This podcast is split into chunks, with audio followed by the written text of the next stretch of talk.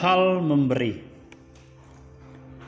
Beberapa prinsip firman Tuhan dalam hal memberi yang bisa menjadi pegangan bagi kita adalah kita tidak boleh hitung-hitungan dengan Tuhan.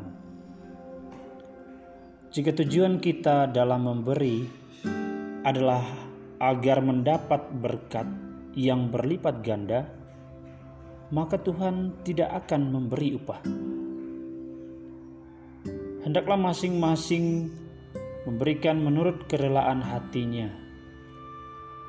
Jangan dengan sedih hati atau karena dengan paksaan.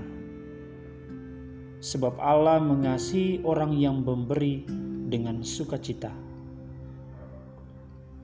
Tuhan itu tidak mau berhutang. Berilah dan kamu akan diberi. Suatu takaran yang baik yang dipadatkan, yang digoncangkan, dan yang tumpah keluar akan dicurahkan ke dalam ribaanmu. Sebab ukuran yang kamu pakai untuk mengukur akan diukur kepadamu. Camkanlah ini. Orang yang menabur sedikit akan menuai sedikit juga, dan orang yang menabur banyak akan menuai banyak juga.